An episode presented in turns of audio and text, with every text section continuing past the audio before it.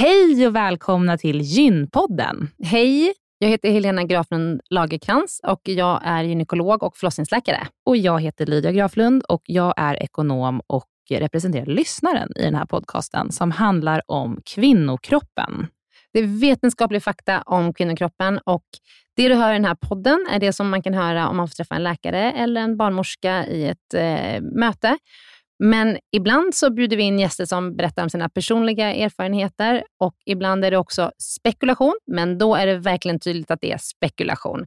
Annars är grunden för den här podden vetenskaplig fakta om kvinnokroppen. Så är det. Hoppas att ni vill lyssna. Välkomna. Välkomna.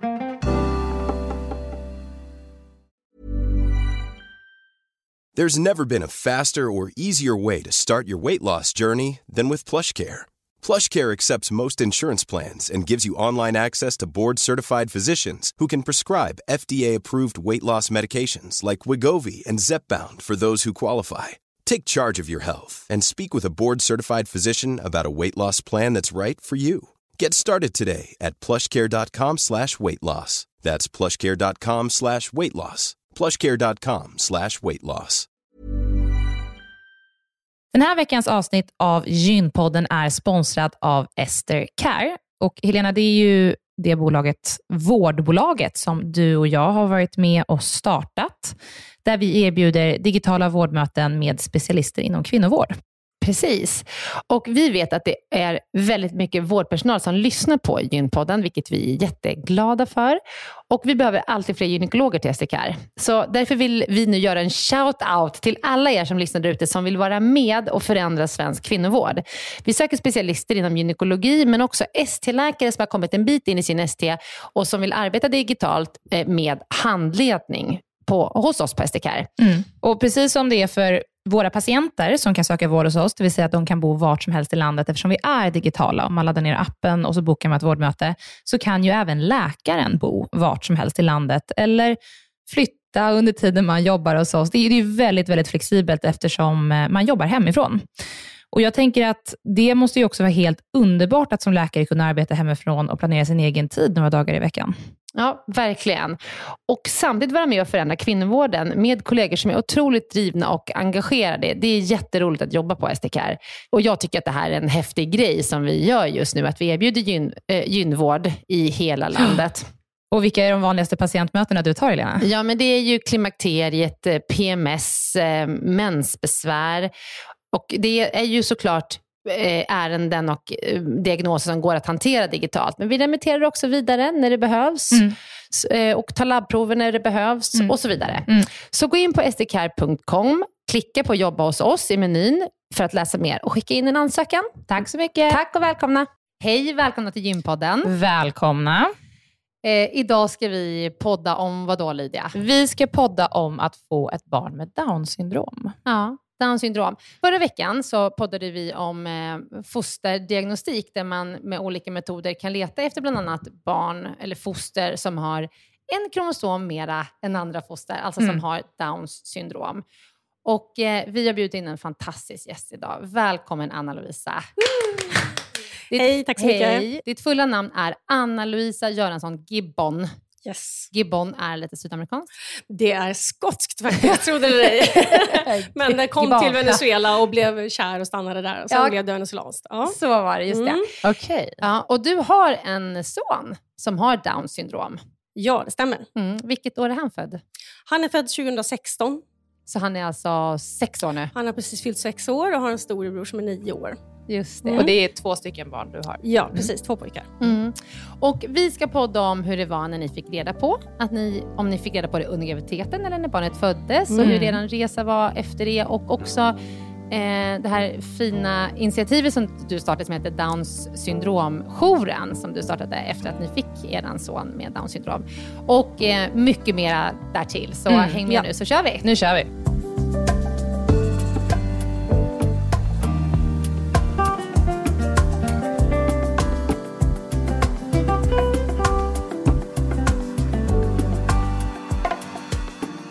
Anna-Louisa, kan inte du berätta er familjs historia? Visste ni till exempel om under graviditeten redan att er son hade tre kromosomer av typen 21?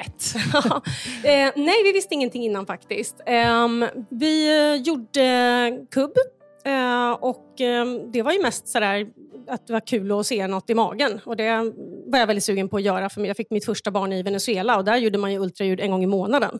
Oj. Inklusive 3D-ultraljud, mm. typ bara på kul. Eller, ja. Och hur är det i Sverige? Här är det ju bara... Ja, här gör man ju, alltså det som ingår, liksom, som verkligen alla gör, det är ju rutinultraljudet ja. som är vecka där, runt vecka 18. Ja. Men det är egentligen det som är så här, standard. Sen kan man ju lägga till kubben då i vecka, ja, men 12, vecka 12. 13 och sånt mm. där. Och det har ju i Stockholmsområdet i alla fall verkar bli väldigt mycket standard, men att man då erbjuds det. Mm. Um, jag hade bett om NIPT, uh, mm. för att vi, både jag och maken kände ju till det här. Och, uh, men uh, som tur var så det blev ju inte riktigt av.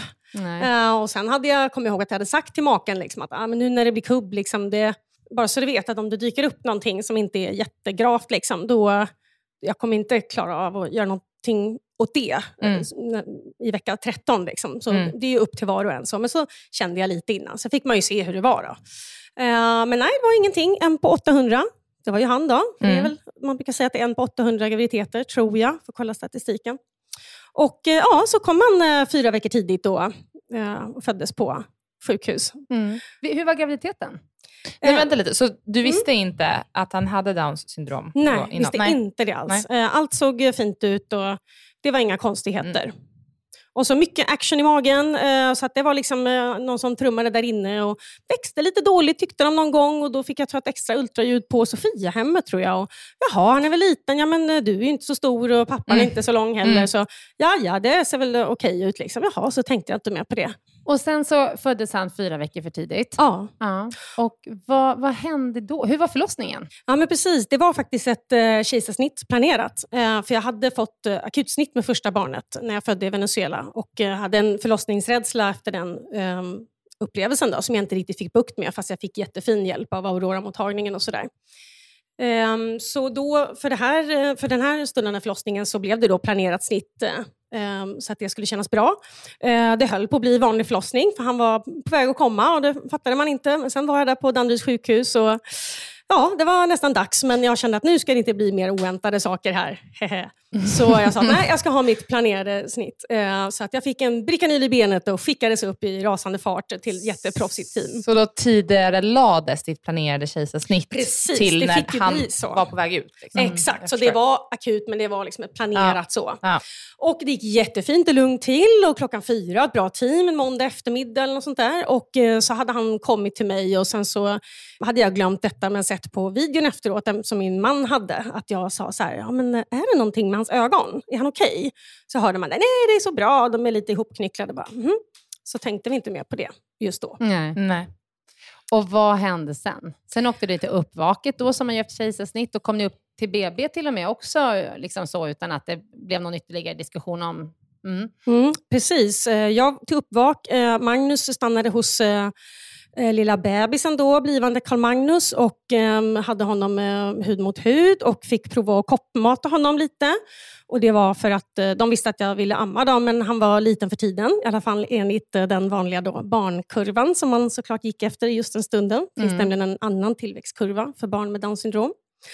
Och eh, Sen fick jag ju träffa honom och första två dygnen var egentligen handlade om att eh, vi försökte få i honom mat och då blev det väldigt centralt. Så vi tänkte inte mer på att han kanske hade lite sneda ögon, liksom, utan det var mer att han bara sov. Och mm. eh, Jag försökte amma lite och sådär, men man märkte att han låg mest helt lojt. Och då fick det bli olika sorters flaskor och till slut koppmatning och vad som helst. Och Det tog en väldigt, väldigt tid att få i honom. men ni var på BB oss. allihopa? Vi var kvar på BB till dag mm. tre. Mm. Och efter det så det gick liksom inte att få i honom ens den första mängden som skulle i första dygnet. Och varför så, inte det för? Ja, han, ehm, det visste vi inte då, men det är väldigt vanligt och någon statistik har jag inte och det gäller inte alla, men det är väldigt vanligt att barn, bebisar med Downs syndrom är väldigt liksom, trötta trötta när de föds, om man ska beskriva det lite så amatörmässigt. Så att det kan vara svårt att, att få i dem mat. En del sätter igång och ammar direkt eller tar flaskan direkt och en del är bara väldigt trötta. Så det kan är vara det ganska... svårt att få i någon mat för att han sover mycket? Ja, lite Ja. trött liksom och Ja. lealös. Det kan ju Mm. vara lite dålig tonus och så, men det är framförallt att de, vet inte om det är just att de är då extra trötta, men det är så som vi föräldrar, när man pratar i föräldragrupper, har upplevt att ja, man var väldigt trött och sov mest. Så det är många som har då fått sond. Mm. Så Carl Magnus fick också det dag tre eller fyra, komma ner till neo neonatalen då och få en sond, alltså en slang ner i näsan som ger honom då, i mitt fall, urpumpad mjölk och, och sådär. Men var det, och det var ingen diskussion på BB om att eh, Carl Magnus såg liksom, eh, ut på de här karaktäristiska Ja. dragen som barn med Downs syndrom har, med lite liksom, sneda ögon och Mm. ingen sån diskussion. Inte, vi tog upp det på inför 24-timmarskollen där man ska få träffa då en barnläkare som bara tittar på barnet. Och Då fick vi träffa en jättefin läkare där. Och eh, då, då lyfte vi det här och hon var fin och sa det att ja, men han har bara fyra kriterier kanske av de här då så kallade halskriterier som är olika kriterier med typiska fysiska kan man säga, karaktäristika eh, för barn med Downs syndrom. Eh, inte alla är fysiska. Att vara född tidigt är en av dem. Mm, det. Så vid fem kriterier eller mer så brukar man vara ganska säker och så tar man blodprov och så vidare. Men hon sa det, men jag ser att ni är oroliga så vi tar ett blodprov ändå. För han hade fyra. Liksom. Så eh, då gjorde vi det och så fick man svar först efter några dagar. Eh, och då var vi fortfarande på neonatalen för han höll fortfarande på att eh, lära sig äta Mm. lite. Så att vi sondmatade och jag amningstränade. Och, vad, och då fick ni besked om att han har Downs syndrom. Och Ja, hur, precis. vad hände med dig då? Ja, vi satt i det här rummet på neonatalen, vilket var en frälsning för vi kom ju ner och hade inte sovit på flera dagar och visste inte vad vi hette. Liksom. Så det var ju väldigt skönt att bara få sova lite. Och sen kommer de in då när vi har varit där något dygn tror jag, eh, med de här papperna. Och eh, de förmedlade faktiskt beskedet eh, ganska bra. Ibland får man höra om helt katastrofala, liksom att ah, vi är hemskt ledsna, men... Liksom så. Men hon var bara väldigt saklig och berättade och jag sa va? ungefär tio gånger. Va? Då hämtade de eh, pappret med provresultatet åt mig så att vi fick se då att det stod då trisomi, trisomi 21 där. Mm. Kan inte du berätta hur de berättade?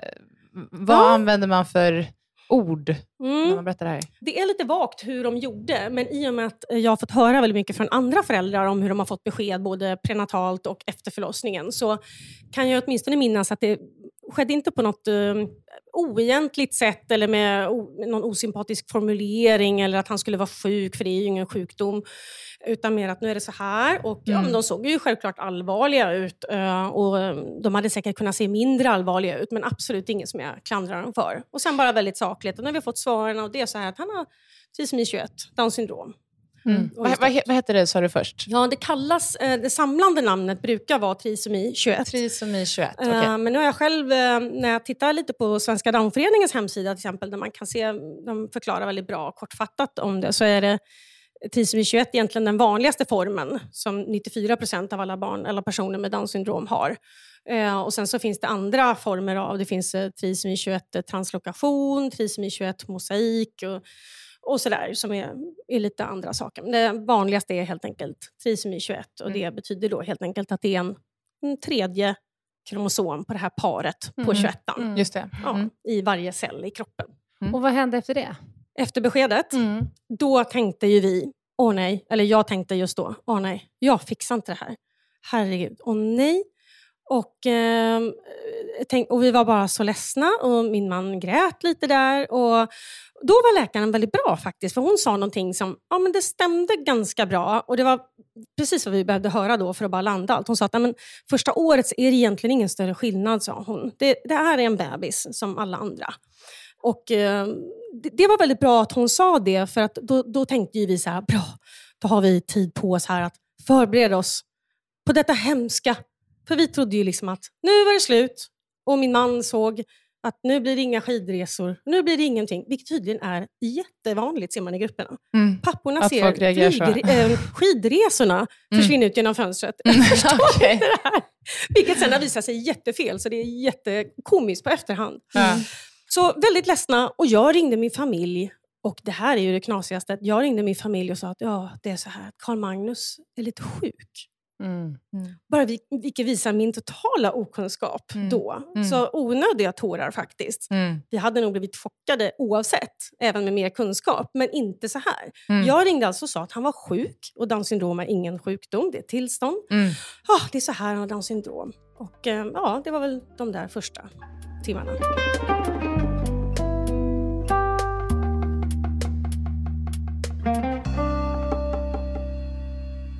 Men så, blir man kvar länge på sjukhuset? Eh, för det in, man eh, påbörjar väl ändå en viss utredning, man screenar hjärtat och så, eller hur? Ja men precis, man Mm. behöver inte vara kvar på grund av Downs syndrom i sig. Men i och med att han inte åt så ville man då ge det några dagar för att se att han fick igång med att kunna sondmatas och amningsträna lite. Eller hade det varit flaska så hade det varit flaskträning. Och eh, så kollar man direkt hjärtat, för 50% av barnen ungefär med Downs syndrom föds också med någon form av hjärtfel. Och det i sig kan ju låta otroligt skrämmande, apropå ifall man läser då liksom den här listan. Det är ju hur läskigt som helst. Och det här med hjärtfel är ju självklart något som man ska ta på allvar och hjärtoperationer är såklart dramatiskt för en förälder. Men eh, det, det, man har kommit så otroligt långt med det idag så det är egentligen ingen större dramatik om man får säga så respektlöst. Alltså, Mm. Det är klart det är dramatiskt med operation och sövning av ens barn. Men det är inte på något sätt något som kommer komplicera livet för dem särskilt mycket, nödvändigtvis. Mm. Ehm, så, så, men självklart blir ju en del jättesjuka som är andra barn. Så det kollade de och Mm. lite annat. Och det vanliga att man kollar med barn. Ehm, och så fick vi komma hem efter några dagar för då sa de att han är ju faktiskt inte sjuk. Så ni får åka hem nu. Och vi tänkte, men nej, nej. Mm. Men eh, det gjorde vi och kunde fortsätta sondmata och amningsträna hemma i fem veckor innan han till slut kunde gå över till helamning. Hur lång tid tog det för dig att liksom landa i det här, att du har fått ett barn med trisomi 21? Mm. Och hur reagerade din omgivning? Det tog eh, några månader tror jag för att sjunka in för oss. Eh, jag pratade faktiskt med min man om det här inför det här besöket. Att jo, men det var några månader och vi fick gå i eh, samtal, faktiskt stödsamtal på kris och samtalsmottagningen. Eh, vi bor i Stockholm då, så det finns mycket sånt tillgängligt. Och det var väldigt hjälpsamt ehm, att kunna gå på och bara ta upp alla de här känslorna liksom, och, och ehm, eh, Eh, väldigt bra och fiskas upp av vården. Så att, eh, med gemenskap med andra familjer som man träffade och sånt där så fick man hjälp att låta det här funka in och eh, att läsa på och se att det verkade ju inte vara någon liksom, dödsdom ungefär. Lustigt nog va? Eh, och omgivningen tyckte synd om oss i början eh, och det tyckte vi, eh, vi höll med om det. Mm. Vi höll med om att det var synd om oss, ungefär som Mm. omgivningen tyckte. De kunde, Oj, jaha, ah, liksom. Jag tyckte oerhört synd om mig själv i början. Liksom, Mm. att, ah, stackars, eh, och det här. Och, Och vad var det som du tyckte synd om dig själv? Mm. Var det liksom att det här är så ovanligt och att det drabbar just mig? Eller vad var det? Liksom? Ja. Eller tänkte du på, på Eller skidresorna? hur det ska påverka livet. Precis, Ja, att man har exakt. en Jag- föreställning om hur det jag ska tänkte nog påverka inte så liv. mycket hur det skulle påverka senare delen av livet. För jag eh, har en bror med lätt intellektuell funktionsnedsättning och Asperger och som alltid har gått i särskola och bott i gruppboende och sådär. Så att jag visste ändå att så här, men det här är ändå Sverige, det ordnar sig ändå liksom Mm. rimligt bra.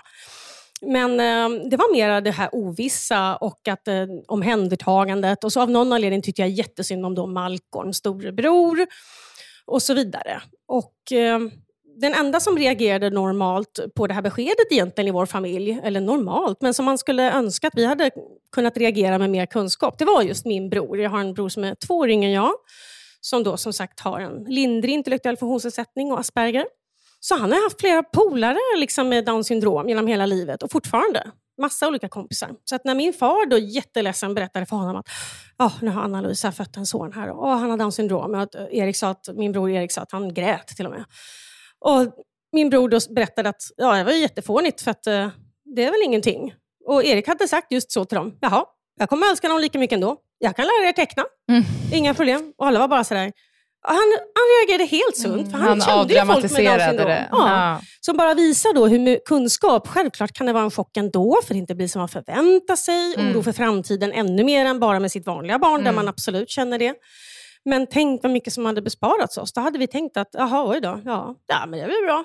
Ja. Får börja gå en teckenkurs, för att talet kan vara sent. Då. Ja. Så det var väldigt häftigt. Där har han guidat oss. Det var, han Så visste ju faktiskt vad han snackade om. Mm. Ja. Hur, Och hur sen var det någon önskar- emotionell också del. Ja, när det liksom började sjunka in riktigt mycket. Det, en- det var en situation när Carl Magnus var kanske en månad gammal. Då började det väl liksom landa hos mig i hur det faktiskt inte var någon större fara. Och eh, det var en väldigt eh, jobbig process inom mig. För att eh, Jag satt och ammade och han liksom brukade titta mig djupt i ögonen om det var någonting och man liksom blev alldeles förtrollad av det här och sögs in i det. Och sen så konstaterade jag, och konstigt nog nu på efterhand för mig, konstaterade jag att han inte led. Vilket för mig idag har jag svårt att förstå. Vad, vad tänker jag till förflutna analyser? Vad menar du att han inte led? Förväntade du dig att barn med Downs syndrom som föds liksom lider? En del tror ju mm. att de kommer inte ha ett värdigt liv och sådär. Jättekonstigt. Eh, men konstigt nog till min förfäran där då konstaterade jag att han lider ju inte. Mm. Jag hade mm. en föreställning om att jag kanske hade gjort eh, abort om jag hade fått det här beskedet tidigt för barnets skull. För mm. jag, är mm. väldigt mycket, jag är väldigt pliktdriven. Jag är inte en av dem som tycker att men, det är vem, vem som helst har en rättighet att skaffa barn. Eller, alltså alla har ju rättighet att skaffa barn, men man ska liksom göra det med eftertanke och kunna ta hand om dem. Mm. Eh, och av någon konstig anledning så hade jag då haft någon föreställning om att ja, jag hade kanske kunnat göra abort för det här ofödda ja, det här fostrets liksom, skull. Ja. Och jag kände liksom en fasa när jag tänkte det här och insåg att han inte led. För jag tänkte, vad hade jag kunnat göra om jag faktiskt hade varit lite företagsam och bokat in det där NIPT-besöket? Ja. Som MVC sa, att nej men det behövs inte. Um, men oh gud, jag bara känner som mamma också, när, mm. man, när de är en månad och man har lärt känna dem. Och man älskar dem så mycket. Alltså det måste, vilken...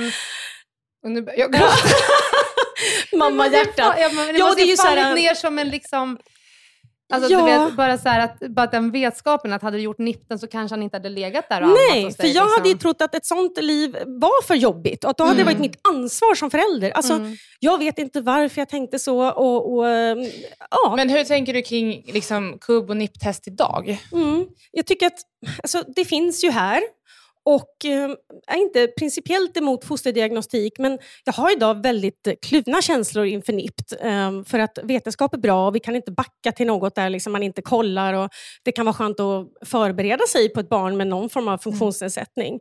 Men det svåra är att det här är min åsikt att i och med att glappet mellan när man lämnade bort barn med Downs syndrom och institutionaliserade dem. Och det, har inte, det gick inte så lång tid innan man började kunna göra fosterdiagnostik för att hitta då olika former av trisomier. Trisomi 13, 18 och 21.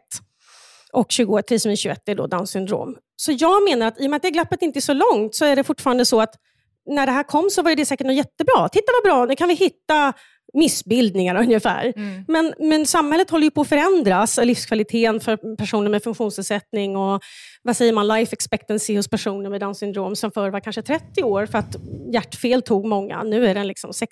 Mm.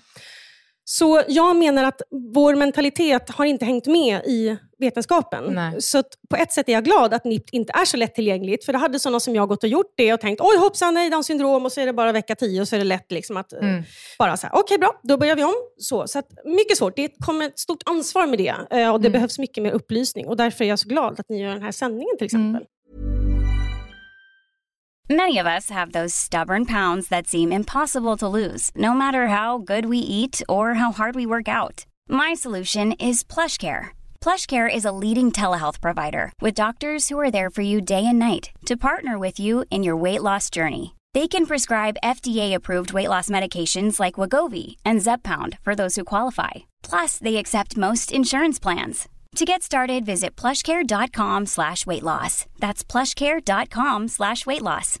Imagine the softest sheets you've ever felt. Now imagine them getting even softer over time. That's what you'll feel with Bowl and Branch's organic cotton sheets. In a recent customer survey, 96% replied that Bowl and Branch sheets get softer with every wash. Start getting your best night's sleep in these sheets that get softer and softer for years to come. Try their sheets with a 30-night guarantee. Plus, get 15% off your first order at bowlandbranch.com. Code BUTTERY. Exclusions apply. See site for details. Veckans avsnitt av Gynpodden är sponsrat av mittpreventivmedel.se som är en informationssida från Bayer. Mm. Jättebra informationssida. Eh, den, den är full av information och material för att du på bästa sätt ska kunna välja vilken preventivmedelsmetod som passar dig allra, allra bäst. Mm. Och Det vi tänkte prata om idag det är att det finns något som heter samtalsguide mm.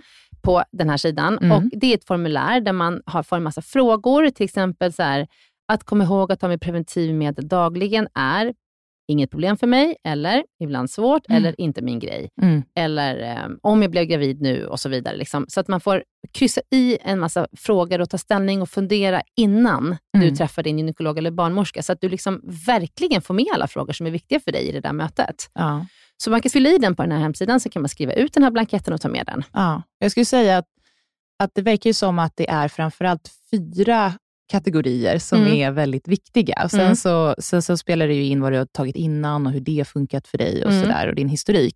Men det verkar ju som att det handlar mycket om hur liksom ordningsam man är, eller hur strukturerad man är, att kunna ta någonting dagligen. Mm. Eh, hur viktigt det är att man inte blir gravid. Mm. Eh, användning av hormonella preventivmedel eh, och om man vill påverka sin menstruation på något sätt. Mm. Så det verkar som att det är de fyra kategorierna som man, man bör fundera på innan Mm. man väljer ett preventivmedel. Man får bra guidning i hur man ska svara på de här, eh, med olika kategorier och olika svar.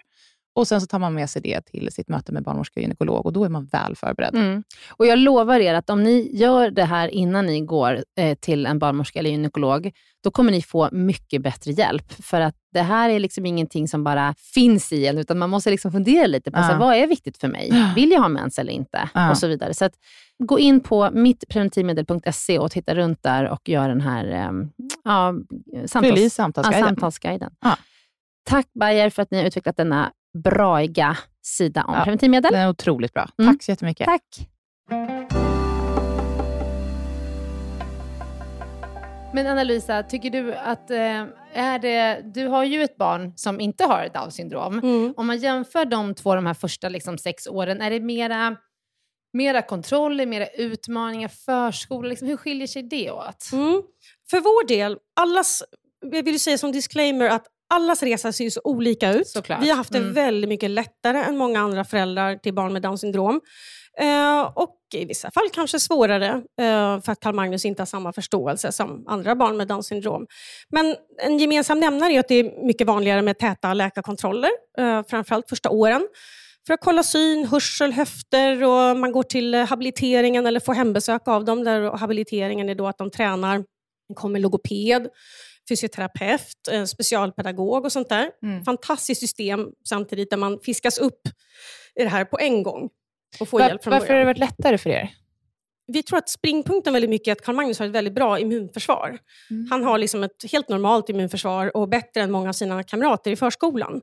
Medan många av mina vänner som har barn med Downs syndrom, där blir det otroligt tufft under eh, vintersäsongerna och när de börjar förskolan. För att många barn med Downs syndrom kan ha känsligare immunförsvar och få problem med luftvägarna som kan vara mjukare eller sådär. Och, eh, och då blir det turer till akuten eller inhalationer och sådär. Medan andra kanske inte känner av någonting. Mm. Och sen Ehm, har ni inte, eh, Carl Magnus har inget hjärtproblem, eller hur? han föddes med ett litet hjärtfel som Okej. växte Mhm. bort. Så det Okej. var helt odramatiskt. Mm. Så att, eh, det jobbigaste med honom var att första året sov han dåligt för att han hade lite mjuka luftvägar som sjönk ihop när han sov. Så det, ja, första året var tufft sovmässigt för oss. Men Mm. sen med Carl Magnus har det varit så att i och med att han ehm, är väldigt um, happy-go-lucky eh, så, och eh, har ett normalt immunförsvar så ehm, har allting funkat väldigt bra. Han kräver mycket mer omvårdnad och att man passar honom eftersom han inte har samma förståelse eller Mm. pratar. Men, hur, och, men eh, nu, nu är jag lite ute, jag är lite ok- okunnig inom Ja, det här från när de blir lite större. Men när liksom, när börjar, de börjar gå lite senare vet jag. Mm, det är vanligare med, med eh, sen motorisk utveckling. Och eh, att, att den är senare lagd, sorry. Mm. Ehm, så det kan vara att en del går när de är ett och ett halvt, som ett vanligt barn ungefär. Och en del går inte förrän de är sju eller senare. Liksom. Tyckte mig se i föräldragrupperna rent empiriskt bara, för det finns ju såklart Facebookgrupper för allt. Och jätteuppskattade föräldragrupper. Och där var det ju väldigt vanligt att de gick vid två, tre års ålder, men också senare. Ehm, Men alla lär sig gå, i, stort sett. Ja, jag skulle Mm. säga att alla lär sig gå någon gång och eh, de flesta lär sig tala mer eller mindre tydligt men för det så har man tecken som stöd då, som inte är då teckenspråk utan lite vad folk nu kallar för babytecken. Mm. Som alltså har visat sig främja språkutvecklingen hos alla barn oavsett diagnos. Eh, och Det har man som stöd då också för att de själva, ifall de inte kan tala så tydligt eller kan tala, så kan de förmedla sig till omvärlden. Mm. Så det får man gå på kurs för och allt det här växer man in i. Mm. Och när blir de blöjfria? Jätteolika. Mm. Några vid ett, några vid 15. Okej. Ja. Mm, okej. Så det är en stor surprise. Ja, en stor surprise Jag skulle säga att Mm. liksom, det, min egen personliga, vad som är gemensamma nämnaren för alla är väl att det vanligtvis är en senare utveckling och att det är någon som kommer kräva mer omvårdnad av dig livet ut. Eh, Men i vårt fall så är ju vår nuvarande sexåring mycket, mycket enklare än vad vår normalstörde nioåring, förlåt Malcolm, eh, någonsin har varit. Eh, Men får jag fråga, eh, generellt sett så brukar man säga att barn med Downs syndrom är som du säger happy-go-lucky. Ja, exakt. Alltså de är bara så glada och gulliga. Är det så? Nej, det är ju inte så. Nej. Och föräldrar blir jättearga när man säger så. Men det roliga är att det är ju faktiskt vanligt att det är väldigt sociala, härliga, trevliga individer. Sen glada jämt, absolut inte. Inte ens vår son. Eh, och många har, eh, det är vanliga med autism till exempel och då blir det ju en rädsla för sociala kontakter eller kan ta sig uttryck på olika sätt. Så nej, föräldrar brukar bli väldigt sura för det här. Jag är inte lika känslig. Men att, att de är alltid så glada, nej. Eh, det, det ska man inte säga till någon. Nej. Men jag personligen tror nog, och eh, nu får andra DS föräldrar skälla på mig här, att det finns en anledning till att de förr kallades för solskensbarn. Och jag tänker att hellre lite generaliserande positiv reklam Mm. än generaliserande dålig. Jag har en fråga, eh, om vi går tillbaka till när ni eh, berättade för din familj och, och eh, din mans familj att eh, han hade då Downs syndrom. Hur hade ni velat att de reagerade? Hur, vad kan man ge för råd till andra som är i närheten Mm. när det här beskedet kommer? Hmm. Det är svårt, för i och med att jag la upp det för dem som att han var sjuk, vilket Mm. var helt fel till att börja med, så är det klart att de blev jätteledsna. Mm. Ehm, så att vår familj sa nog ganska bra, och våra vänner också, att um, åh, hörni, det här kommer att gå jättebra och de han kunde inte ha hamnat hos bättre föräldrar. Det var ungefär så. Liksom. Mm. Och ehm, hela vår familj kom samman väldigt mycket och, och hjälptes åt med att liksom, leka med Malcolm och ligga och sova med Karl Magnus mellan sondningarna. Eh, så det var min mamma till exempel väldigt behjälplig med. Eh, kom hem och bara hade honom så jag kunde till och med åka iväg och göra någonting den sommaren. Så det var jättehäftigt. Jag märkte att när jag, det här när jag låg och ammade honom Mm. och liksom tittade på honom och insåg där när han var fyra veckor Mm. att han inte led. Mm. Det var ju snarare att herregud, vad gjorde jag nästan på grund av okunskap. Mm. För det är klart att man älskar sitt barn efter fyra veckor om, om man inte har en väldigt svår förlossningsdepression eller någon Mm. annan kris. Så det är klart att man då har ofta knutit an på något sätt till sitt barn. Men här Mm. var det snarare att jag insåg att jag hade föreställningar som gjorde att han nästan inte kom till oss. Mm. Eh, och eh, den känslan har fortsatt eh, just för att jag har en historia av att ha haft det svårt med att bli mamma.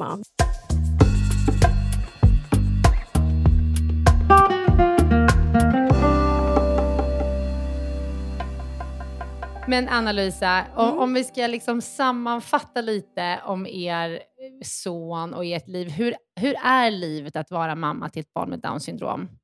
Ja, där finns det ju så otroligt många svar förstås. Eh, Jag upptäcker än idag hur stor bredd det är på grader av eh, funktionsnedsättning och på olika sätt och beroende på hur föräldrarna mår och sådär.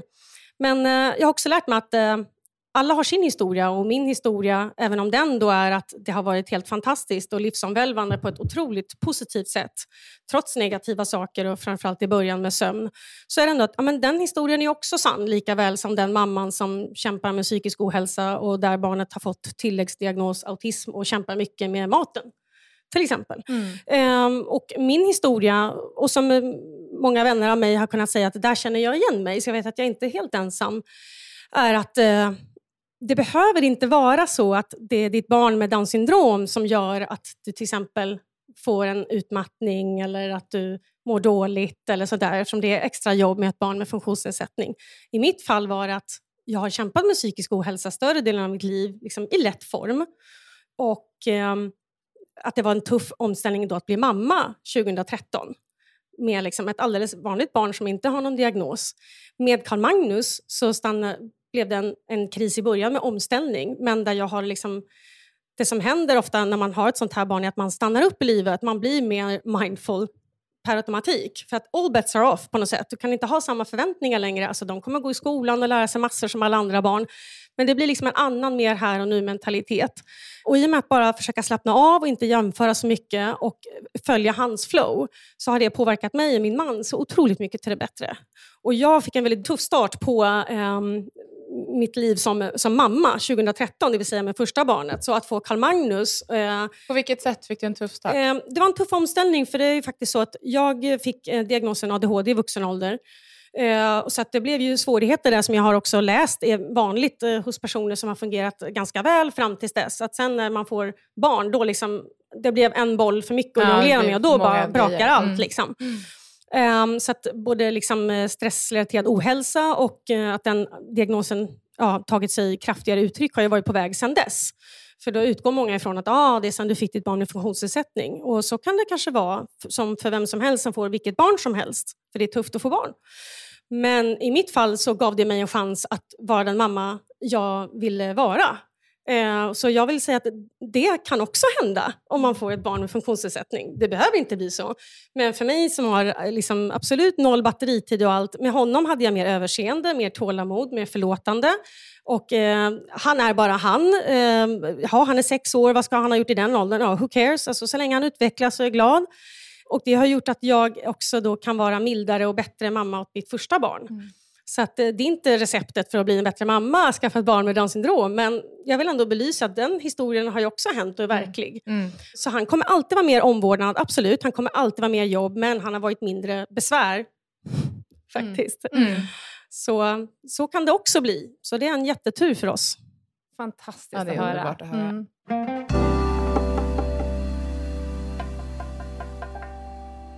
Jag tänkte vi skulle gå vidare lite och prata om att du, efter att du fick Carl Magnus startade DS-jouren. Mm. Vad är det för någonting?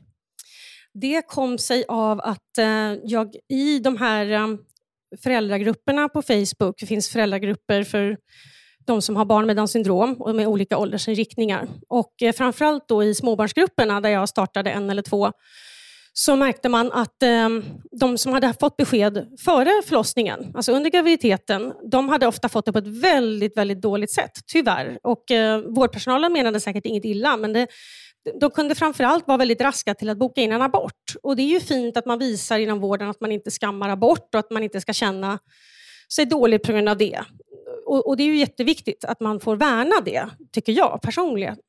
Men det kan också bli fel då att, att personen eh, att det blir att man omedvetet eh, skuffar den här personen i den riktningen.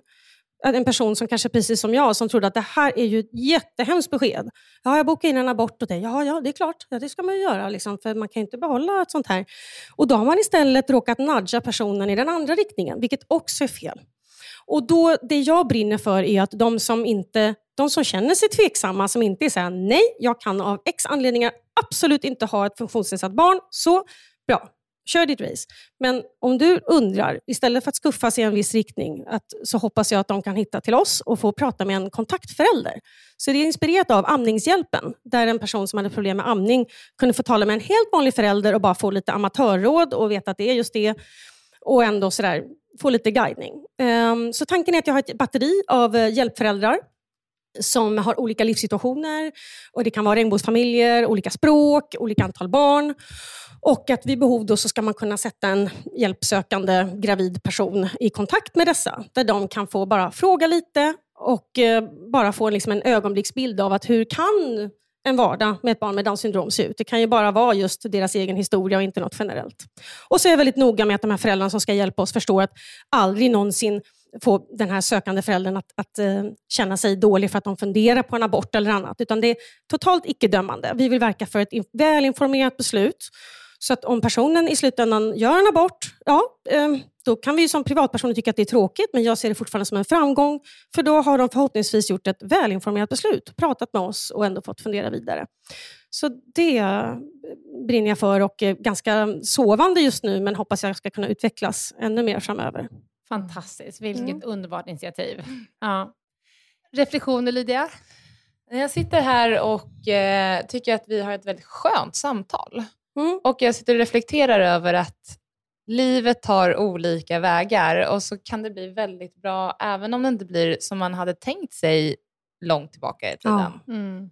Eh, och Det är så fantastiskt att få höra sådana historier. För Mm. jag tror att eh, många som ställs inför det och man ska gå en väg som inte är den vanliga eller Ja. den som de flesta av ens vänner eller bekanta går. Och Då är det Mm. skönt att få höra att det går bra det med. Ja.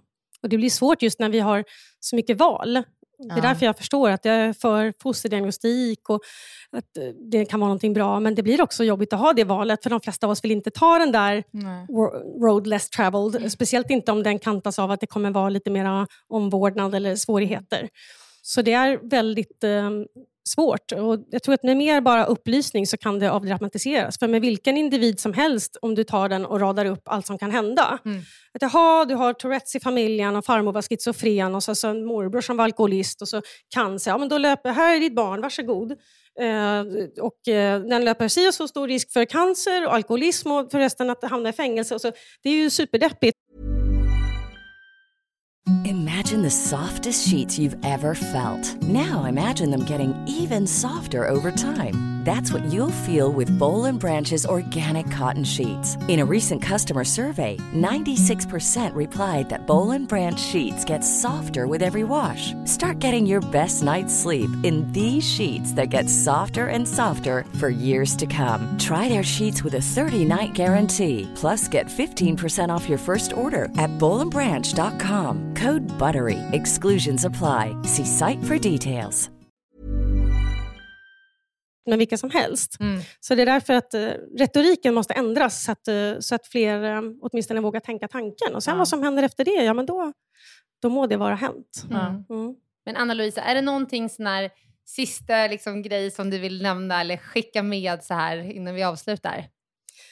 Ja, det, eh, eftersom det är just min resa jag delger här så kan jag berätta att i vårt fall med eh, Carl Magnus som inte var särskilt tidig motoriskt och som förmodligen har en medelsvår eh, intellektuell funktionsnedsättning och inte pratar än och sådär, men är världens härligaste, mysigaste individ som också busar ibland och är jättejobbig. Så kan jag absolut säga att han kommer alltid vara mer jobb för oss än ett normalstört barn som vi säger lite med glimten i ögat i våra kretsar. Eh, det är från Glada Hudik-teatern säger de det. Men mera jobb, men mindre besvär i mm. Carl Magnus fall. Um, många gånger per vecka säger vi att har vi inte världens enklaste sexåring när han bara vill sitta i bilen och chilla och, till mm. musik och bli lämnad i fred. Oh. Så ja, det, man, de tar och de ger. Mm. mm.